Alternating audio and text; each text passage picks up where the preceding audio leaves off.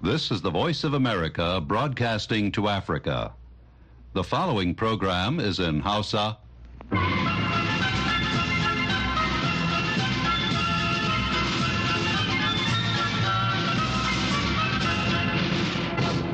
Sashen Hausa na muryar Amurka ke magana daga nan birnin Washington DC.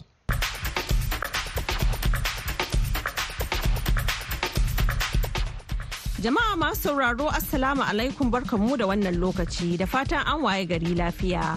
Maryam Dauda ce tare da Baba Yakubu Makeri da sauran abokan aiki. Muke farin cikin gabatar muku da wannan shirin na safe a yau Alhamis 22 ga watan Fabrairu na shekarar 2024.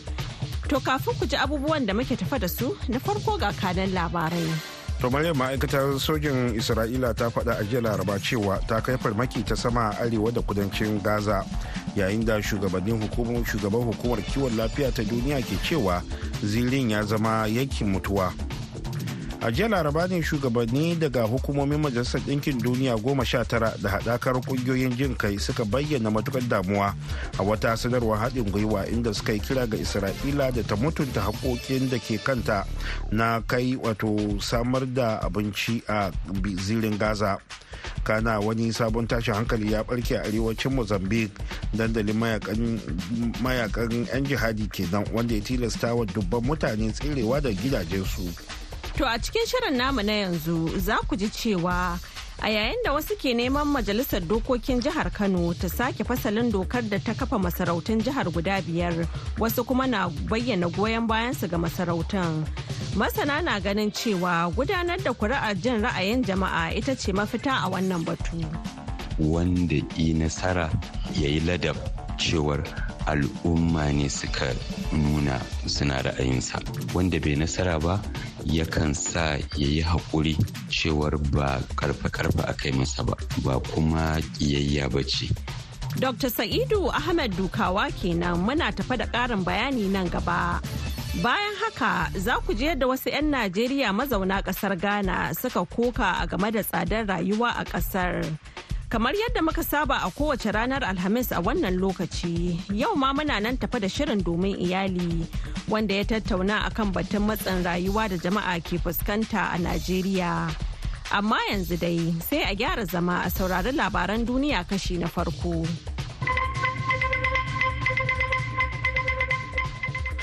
Assalamu alaikum jama'a ga cikakkun ga labaran duniya mai karantawa baba ya kuma kiri.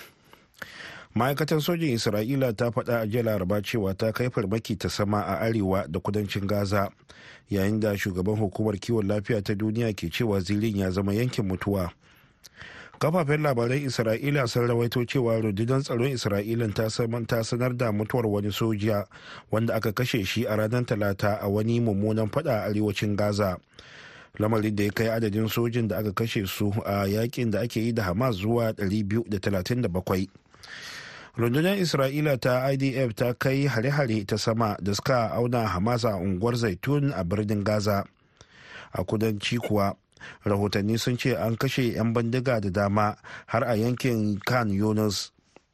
Kungiyar masu jinya na wato ta medicine sans frontier ta ce dakarun isra'ila sun kaddamar da hare-hare ranar talata a almawasi da ke arewa maso gabashin kan yunus inda ƙungiyar ta msf ta samar da matsugunai ga ma'aikata da kuma iyalansu.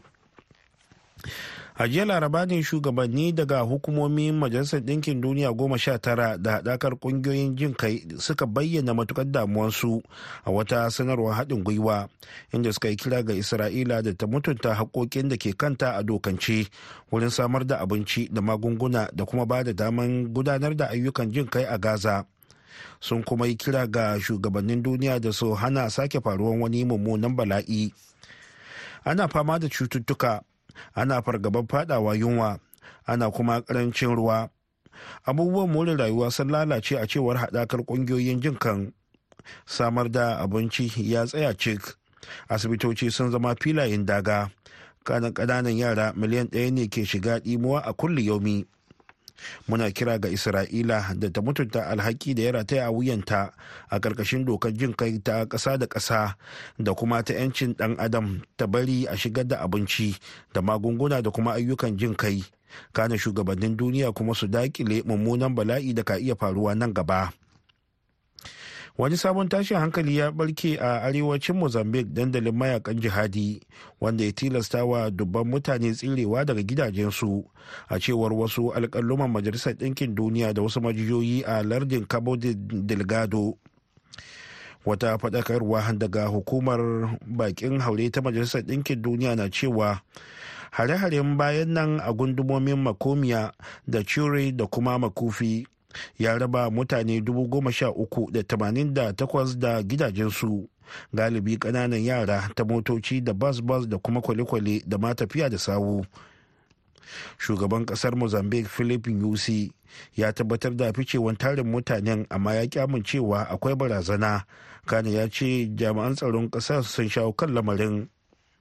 Akwai ɗimbin jama'a da suka tashi daga wani wuri zuwa sabon wuri kuma sun yi korafi kan ba sa samun taimako. Shugaban yana faɗa bayan ganawa da kwamandojin sojin ƙasar. 'yan ta'adda ne suke ƙoƙarin ɗaukar mayaka a lardin. Dalili kenan da jama'ar ke barin wurin inji shi. To madalla kafin ku ji ƙarashen labaran duniyar za mu leƙa ɓangaren rahotanninmu. Majalisar Dokokin Jihar Kano ta yi ƙarin haske dangane da mabambantan wasiƙun da take karɓa daga ƙungiyoyi masu neman a sake fasalin dokar da ta kafa masarautun jihar guda biyar. Sai dai masana na cewa ba da damar jefa kuri'ar raba gaddama zai taimaka wajen warware wannan batu cikin ruwan sanyi. Wakilin muryar Amurka Mahmud Ibrahim Kwari na ɗauke da ƙarin bayani a cikin wannan rahoton. Wata ƙungiya mai maradin dawo da sarki Sanusi na ce ta fara mika wasiƙa zauren majalisar kimanin makonni uku da suka gabata tana neman majalisar ta rushe masarautu huɗu da gwamnatin Kano ta Abdullahi Umar Ganduje ta kirkiro kusan shekaru biyar da suka shuɗe. Daga bisani aka rinka samun kwararar wasiƙu daga sassan masabbin masarautun suna jaddada goyon bayan su ga ci gaba da wanzuwar waɗannan masarautu tare da jan hankalin 'yan majalisar dokokin ta kano kan haɗarin da ke tattare da rusa masarautun da kuma dawo da sarki sanusi karagar mulki. Ko da yake majalisar dokokin ta kano bata kai ga fara muhawara ko tattaunawa ba akan wannan batu amma shugaban masu rinjaye na majalisar honorable lawan hussaini ya yi ƙarin haske dangane da halin da ake ciki. Idan folisi ɗin gwamnati ya yi daidai da abin da mutane suke kawo mana, za mu gaggauta yi mata aikin irin bukatunta da suka daidai da sha'awarta. Kuma muna shawararen sha'awar gwamnatinmu wadda take a ƙarƙashin jam'iyyar NNPP. Ina makomar bukatun waɗanda kuke wakilta a zauren majalisa. Bukatun waɗanda muke wakilta a matsayin wakilai shine dama sun zaɓi jam'iyya ne don ta kare muradansu da bukatunsu ita kuma gwamnati ta al'umma ce abun da gwamnati ta kalla na al'umma wanda jama'a suke so shi za ta zo mana da shi kuma za mu yi mata. Yanzu ga wasiƙu suna ci gaba da shigowa daga fannoni daban-daban. Wanne za ku ɗauka? Duk abin da hali ya yi tunda gwamnati ɗaya ce kuma jam'iyya mu 'yan majalisa mu ne masu rinjaye a cikin tsarin.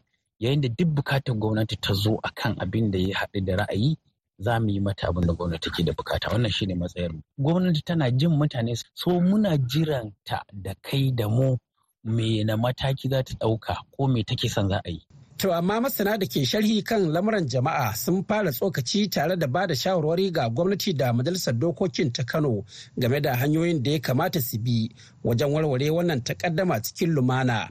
Dr. Sa'idu Ahmad Dukawa masanin kimiyyar siyasa da harkokin gudanar da mulki ne da yake koyar da wannan fanni a jami'ar Bayar Kano. Su gudanar da ƙuri'ar jin ra'ayi wanda a turanci ake kira referendum sahihiya idan aka yi wannan shine zai yi kama da abin da ake kira ƙuri'a ɗin wadda a tsarin musulunci akwai ta a tsarin demokuraɗiyya akwai ta. Takan raba gaddama tana sawa wanda yi nasara ya yi ladab cewar al'umma ne suka nuna suna ra'ayinsa. Wanda bai nasara ba yakan sa ya yi haƙuri cewar ba ƙarfe-ƙarfe aka yi masa ba. Ba kuma ƙiyayya ba ce. A'a sakamakon ƙuri'a ne ya nuna haka. Don in dai aka ɗauki ra'ayin mafiya rinjaye to babu wata barazanar tsaro da za ta biyo baya. Sannan wanda duk yake da wata sha'awa na ko wancan ya dawo ko a ƙyale waɗannan su ci gaba duk za a biya musu sakamako. Yayin da wasu mutane ke amfani da ƙungiyoyi wajen matsawa gwamnati da majalisar dokoki lamba kan buƙatar ci gaba da wanzuwar masarautu biyar a jihar Kano ko kuma a rusa huɗu a bar guda ɗaya. Babban burin galibin al'ummar jihar ta Kano shine gwamnati ta magance halin matsin rayuwa da 'yan Najeriya ke ciki. Mahmud Ibrahim Kwari, muryar Amurka daga Kano, Nigeria. A gaida Mahmud Ibrahim Kwari, shirye-shiryen na zuwa muku ne daga nan sashen Hausa na muryar Amurka a birnin Washington DC. To yanzu kuma ga karashen labaran duniya. Dan majalisar wakilan Amurka Mike Galaga maga kujerar kwamitin wucin gadi na majalisa a kan China. ya isa taiwan yau alhamis tare da tawagar sauran 'yan majalisa kana za su gana da manyan jagororin taiwan galaga da ke tare da wasu 'yan majalisa huɗu a wannan ziyara mai karewa ranar asabar. Ya kasance babban abokin taiwan da china take ikirarin yankinta ne. Kana babban mai sukan labirin china din ne. Tawagar za ta gana da shugabannin taiwan da ƙungiyoyin jama'a da kuma domin tattaunawa akan ƙarfafa hulɗar amurka da taiwan da batun tsaro na yankin da ciniki da zuba jari da ma wasu batutuwa masu muhimmanci da suka shafi ɓangarorin biyu in ji ofishin jakadancin amurka a taiwan a wata sanarwa. Galaga da ya sanar da ba zai sake tsayawa takara ba. Akwai yiwuwar zai gana da shugaban taiwan din chai ing-wen da mataimakinsa la ching wanda ya lashe zaɓe taiwan da aka yi a watan da ya gabata da kuma ya ce ba zai kama aiki a matsayin shugaban taiwan a ranar 20 ga watan mayu. A ƙarshe 'yan adawa na jam'iyyar awami ta bangladesh waɗanda ke cike da takaici na nasarar da jam'iyyar sheikh hasina ta yi a zaɓen da aka gudanar a watan da ya gabata suna gangamin ƙauracewa kayayyakin da ake yi daga makwabciya indiya wanda suke zargi da yin aiki a ɓoye don hasina ta ci gaba da yin mulki. Yayin da suke suka gaza kawo shaida a kan zarginsu na indiya ta yi katsalanda a zaɓen mambobin kungiyoyi da ke zaune a ciki da wajen bangladesh suna zargin new delhi cewa ta yi amfani da tasirinta wurin yin watsi da sukar da amurka da wasu sauran manyan ƙasashen duniya suka yi akan tsarin kada kura a ƙasar bugu da ƙari gangamin ƙauracewar da ya ja hankali sosai ga yadda ake kallon indiya a bangladesh wanda hakan ke haifar da damuwa da kuma yakan wato yasa ana duban wato indiya tana kawo rikici a ƙasar ta bangladesh wanda kuma hakan ya nuna ma'ana cewa 'yan jam'iyyar hindu masu kishin indiya suna rena makwabta musulmi.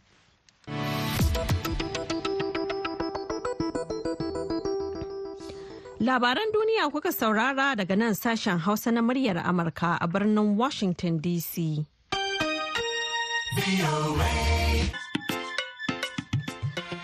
To madalla yanzu kuma za mu sake komawa ɓangaren rahotanninmu. Yayin da ƙasashen Afirka da yawa ke fuskantar matsin tattalin arziki da ya fi shafar galibi talakawa. Wasu 'yan Najeriya da suka je Ghana cirani sun bayyana halin da suka baro a gida da yadda abubuwa suke a Ghana. Wakilin murya Amurka a birnin Accra Redwan Abbas ya jiyo ra'ayoyin wasunsu. To da farko dai sunana Idris Abubakar. Ni mutumin Najeriya na fito Kano State. Gezawa local government. Ni yanzu ban wuce wani sati biyu da baro gida kasan mu Najeriya ba. Dina mutum zai yi misalta abin ba zai taba fahimta ba inda ba wanda yake wurin yake gani. Saboda mutanen da suke kwana da kwanaki ba su tsora abinci ba suna nan da yawa. Allah ya yawa da su. Ba su lissafi. yanzu ka baro gida ana cikin tsanani. Nan gana ma ana cikin tsanani. Najeriya kuka gana kuka. Shin a ganin ka agogon ma? Eh gwamnan guda ɗaya ne. Kamar shi ghana akwai tsadar rayuwa amma yanayin samu ya bambanta. Saboda yanzu kamar a najeriya za ka iya kana magidanci kana da mata ɗaya ko biyu a kullum kayan maneji za ka iya cin kamar naira dubu ko biyar a gidanka. To bai zama lallai a kullum ka fita ka samu dubu biyu ba ko dubu uku. Wani a gidanka idan son samu ne a kullum za ka yi buƙatar dubu biyar ko fiye da haka. A maneji kenan. Amma saboda ƙarancin samu dole muke haƙura muke tuwa nan ba don muna so ba. Ni ne Hussein Angu Jega dan gausi daga Kebbi State, Nigeria. Ina nan nema. Gaskiya akwai alubale sosai a Najeriya. Amma kuma mafi yawan mutane da yawa idan sun zo wata ƙasa za su ga akwai sauƙin rayuwa cikin Najeriya bisa ga wata ƙasa inda aiki. Gaskiya har dai a nan gane saboda adadin kuɗaɗen da mutum ka amfani da su gida najeriya da shi da iyali ne. Nan gana mutum guda sai ya amfani da waɗannan kudade a nan gana saboda haka gaskiya akwai sauƙin rayuwa sosai a najeriya. Illa dai waɗanda ke ciki su ne ke ganin waɗannan abubuwan bisa ga wanda bai ba. Gaskiya haka abubuwan ni ne malam awal mazaunin lagos ko da yake asali na ne mutumin najeriya ne amma haifaffen ghana. To ga shi najeriya kuka Ghana kuka. Kuma ga shi ka zo gida Ghana. Me za ka ce me za ka kwatanta Najeriya da Ghana? Eh to hakika abin da dan jumma ne da dan jummai. Kusan Ghana da Najeriya shi a ce inda najeriya ta cire kafa nan ghana take ajiye kafa. Saboda me? Saboda tsarin siyasan su duk ɗaya ne. Ka gani? To kuma shi zamana waɗanda ake samu a gwamnatin hakika suna nuna son kai. Yadda nan suke nuna son kai can kuma haka suke nuna son kai. Tsakanin ghana da najeriya akwai gwamma? Can da sauƙi kan hakikan domin wani lokacin na kashe kuɗi nan na lissafa shi na mai da shi a naira shi in ga abin da na kashe wannan kuɗin nan a cd shi in ga a to ai in can ne wannan abin da na sai shi guda nan. Can na sai biyun shi ko kusan ukun shi.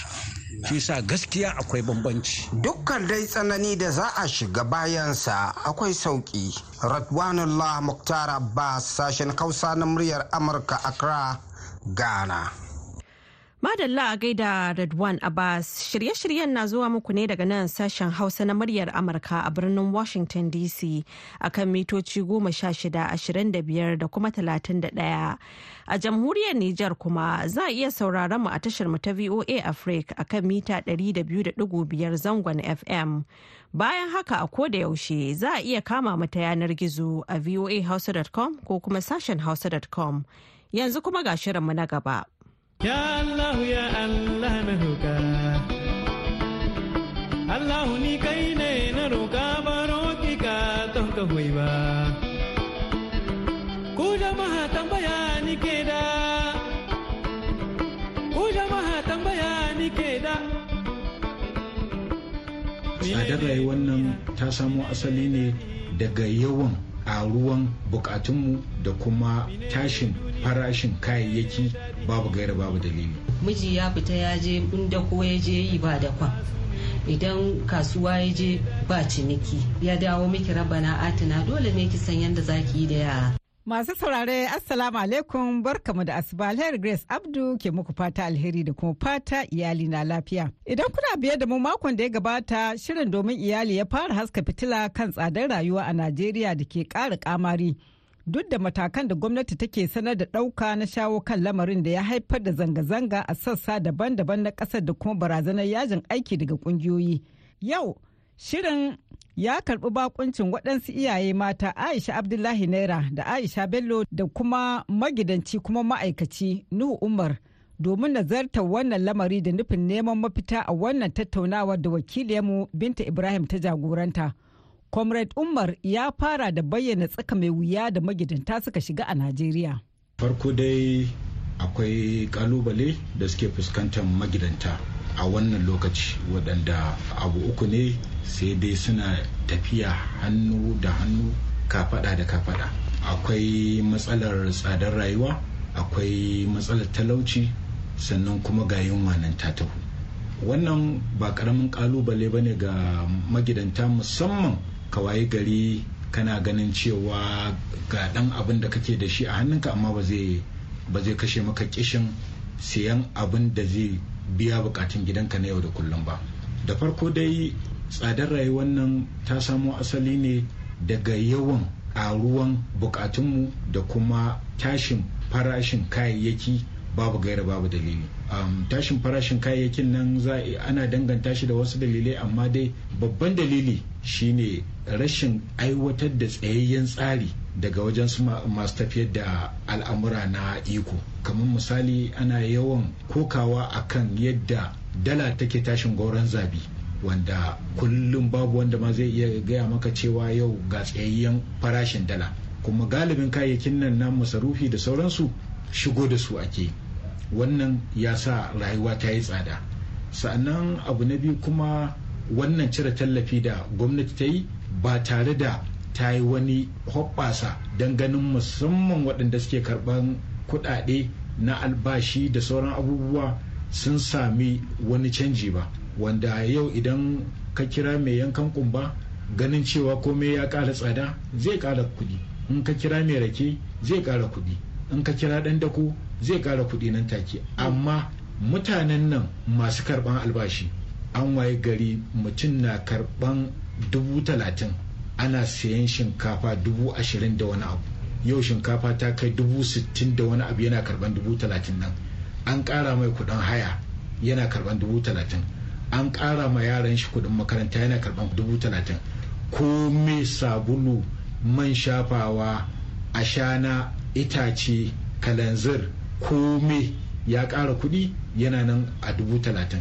To dole ne ya zamanto an samu babban matsala magidanta su shiga halin haula'i sai kuma na ƙarshe wato yunwa da take tunkarowa a sanadiyan rashin abinci a ƙasa ko kuma ƙarancin abinci a ƙasa wanda ƙarancin abincin nan abu biyu ne shi ma suka shafe shi. Abu na farko dai abincin da ake shigowa daga waje dalan ta yi tsada. Da haka dole ne a so shi da tsada kuma a sayar shi da tsada. Abu na biyu kuma abincin da muke nomawa a nan gida najeriya musamman a nan arewa an waye gari saboda matsalan tsaro. Ba a samu an yi noman abincin nan yadda ya dace ba. Don haka dole ne a samu karanci na abincin wanda kuma waɗansu marasa kishi sai na siyan abincin suna boyewa ko kuma suna fasa shi zuwa wasu ƙasashe. Wannan shi ma ya sanya halin da ake ciki wanda sai dai a ce la hawla wala quwwata illa billahi to aisha da aisha kun ji abin da shi kwamar da ya faɗa kasancewa shi ne cefane ne. To bayan an yi cefanen na fa gida ake kawowa a kawo muku ku mata ku sarrafa ku yi iya dabarun da za ku iya zama abincin da za a ci. Da akan yi ma kukan cewa babu nama ko babu kifi. Mace har wata lokacin ta samu ma faraga har da yaji ta kan yi. Mata suna yaji yanzu akan wannan matsala. yaya kuke sarrafa wannan abincin? kike batun nama ko kifi? Yanzu abincin ma ya samu ma. Kana jira a je a kawo maka. To miji ya fita ya je inda ko ya je yi ba da kwan idan kasuwa ya je ba ciniki. In kuma me yake yi ma dai ya dawo miki rabana atina dole ne ki san yadda zaki yi da yara. Masu wankau su yi wankau masu zuwa bin gidajen manyan mutane su yi shara su yi wanke-wanke a biya su su zo su dan dumama ma yara tuwo dai su ci da safe kuma a dindima a ci. To babu a ƙara ci fa sai da daddare. To su ne 'yan gata. Wannan su masu hali ne a cikin talakawa. an kai wannan matakin. Yadda za ki ga wani gidan a wuna haka a kwana haka wasu ma kwana ɗaya kwana biyu dai ba a ci ba. Sai dai yara su je su yo bara su ci. Wani lokaci su samu wani lokaci ba za su samu ba. Shine za ki ga cututtuka sun yawa saboda yara ba su ci sun ƙoshi ba. Kamar yanzu mu da muke shugabancin mata haka muna shugabantan ƙungiya wannan ta zo maka da kuka wannan ta zo maka da kuka. Wani ma in aka gaya ma koke sai ka fashe da kuka kai kanka saboda tausayawa. Yin wannan fa da aka ce ana yi ana yin tafa da gaske. Ana yi. Saboda mu muke cikin su. Yau a zo a ce maka ba a ci ba gobe a zo a ce maka ba a ci ba. Kuma ba ma ta karan ka je siyan buhun shinkafa ko ka je siyan rabi ba. Ka je kasuwa yau zaka auni shinkafa shinkafa wallahi tafi ƙarfin talaka. Dubu biyu ne da ɗari biyu a kasuwa. Karamin kwano. Karamin kwano. Kakki ce wai shinkafa irin ta gwamnati. A'a shinkafa ta hausa. Ta gida na ta gida. Ita ce dubu biyu da ɗari biyu. Wata ma shinkafa in aka nuna miki ita ba kyan gani haka nan ake siye ana dafa to ya za a yi? To ai kin ga fa? ko yunwa ta kai yunwa ga masarar ita ma garin tuwon ma aka fi amfani da shi Mm. yanzu ana nika ana siya. To garin tuwon akalla shi ma dubu ɗaya da ɗari biyar dubu ɗaya da ɗari shida. Shi ma ƙaramin kwano. Haka abin yake. Kuma da gaske 'yan kasuwan nan suna siyan abincin suna ɓoyewa. To me za a yi da shi da ake siya ana ɓoyewa? Me za a yi da shi saboda mutane su ƙara shiga masifa? To wani sashi na majalisar ɗinkin duniya inda suka yi dagan cewa shi wanda suke wanda ake cewa talaka wato wanda yake cikin wanda yake da ƙaramin ƙarfi musamman a najeriya sun ce yana zama ne a ƙasa da dala ɗaya. Ma'ana dai yana iya rayuwa ne kamar a ce dubu ɗaya dubu ɗaya da wani abu. To kuma yanzu a yanda kuke bayan nan kamar dubu ɗaya ma bata siyo ma kayan abincin maballanta na a yi sarrafa shi a talauce kenan a ci. Aisha naira. Da gaske ne wannan magana da ake ake cewa mutane suna rayuwa a ƙasa da mutum ai ba mutum ɗaya ne ke rayuwa a ƙasa da dala ɗaya ba. Bi ma'ana yanzu a canjin da ake na bayan fage naira dubu ɗaya da ɗari biyar da hamsin ake cewa to a je a kan haka ɗin ba mutum ɗaya ne wai yake rayuwa a kan dala ɗaya ɗin ba a'a. Yana zama zuri'a ce na cikin gida take rayuwa a kan dala ɗaya. Ba wai mutum inda mutum ɗaya ne ai kukan ba zai yi wa ƙasan haka ba. To dala ɗayan za ta iya sarrafuwa misali a ce an ciyar da misali ko da mutum ɗaya ne a rana tun daga safa dare. Wai wannan yunwan fa da ake faɗa da gaske ne fa akwai ta? Kun san da cewa a ƙasar nan a rayuwar da ake yanzu mata suna da wata sana'a da suke na gidaje. A cikin sana'ar sai suka samu wani ilimi har yanzu. Wannan sa'a suke cewa ta awara. Waken suya da ake sarrafa a yi awara. To idan waɗannan mata suka sarrafa wannan wake nasu suka cire abin da suke so to wannan dusan ya zama ne zana kasa ta ɗari biyu ɗari uku uku ɗari biyu Dusan da ake ba dabbobi? Dusan da ake ba dabbobi. Ita ce mata yanzu akwai matsayin da muke ciki a ƙasar nan musamman mu arewacin najeriya. Za su yi wannan dusan sai a je sai a ɗora ruwa akan wuta aka ɗora shi sai ya yi zafi. Idan ya zafi madadin irin muke ɗiba garin masara mai talge sai mu ɗauko wannan dusan sai su yi talgen shi. Sai a samo sinadarin garin masara sai a tuka sai ga yara an samu abin da za a ba su To abin da lokaci ya ba mu damar kawo muku kenan yau sai kuma mako mai zuwa ku ji yadda wannan lamari ya sa mata ɗaukar waɗansu matakan ba sabon ba domin ci da 'ya'yansu. Muna godiya ta musamman ga wakiliyarmu Binta Ibrahim da ta ba da gudunmuwa ga nasarar wannan shirin da kuma Dadi Balawe da ya daidaita sautin shirin. Ga masu hali baiwa ga lokacin aikata alheri kada a manta aikata alheri ga kowa sakayya tana wurin Allah. Allah tabbatar mana da alherinsa. Kai mata su ne duniya, su ne daɗin duniya, mata su ne duniya, su ne sarakan duniya. Madalla a gaida Grace Alheri Abdu yanzu kuma ga takaitattun labaran duniya.